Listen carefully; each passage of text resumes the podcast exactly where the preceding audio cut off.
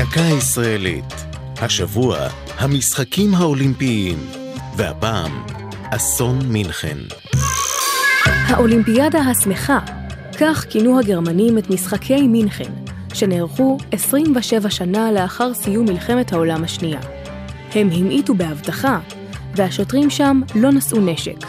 הנימוק שהושמע, כדי לא להזכיר למבקרים את השלטון הנאצי. משלחת ישראל אל המשחקים מנתה 30 חברים, מחציתם ספורטאים. הבולטת בהם הייתה האתלטית אסתר רוט שחמורוב. בחמישה בספטמבר 1972 פרצו מחבלים מארגון הטרור הפלסטיני, ספטמבר השחור, את גדרות הכפר האולימפי. הם נכנסו לבניין משלחת ישראל, וחברי המשלחת שלא הצליחו להימלט, הפכו בני ערובה בידיהם. שניים מהם נרצחו בכפר האולימפי.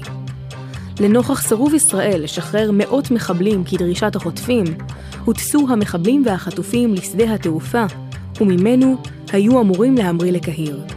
ניסיון השתלטות כושל של משטרת גרמניה הסתיים ברציחתם של עוד תשעה ישראלים. המשחקים חודשו לאחר יממה, ישראל פרשה מהם, ואסתר שחמורוב, במקום להשתתף בשלב חצי הגמר בריצה, ליוותה את ארונו של מאמנה האישי, עמיצור שפירא, שהוטס ארצה. זו הייתה דקה ישראלית על המשחקים האולימפיים ואסון מינכן. כתבה נעמי שניידר, ייעוץ מדעי הפרופסור משה צימרמן, מפיקה אור זועי סולומוני.